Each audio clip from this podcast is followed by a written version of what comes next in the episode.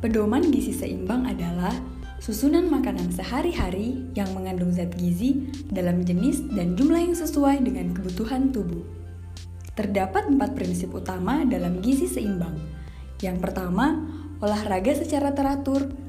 Kedua, menjaga berat badan ideal. Ketiga, menerapkan pola hidup bersih dan sehat.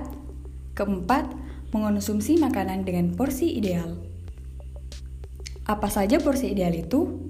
Porsi ideal terdiri dari 35% makanan pokok, 35% sayur-sayuran, 15% lauk pauk, 15% buah-buahan, serta segelas air putih.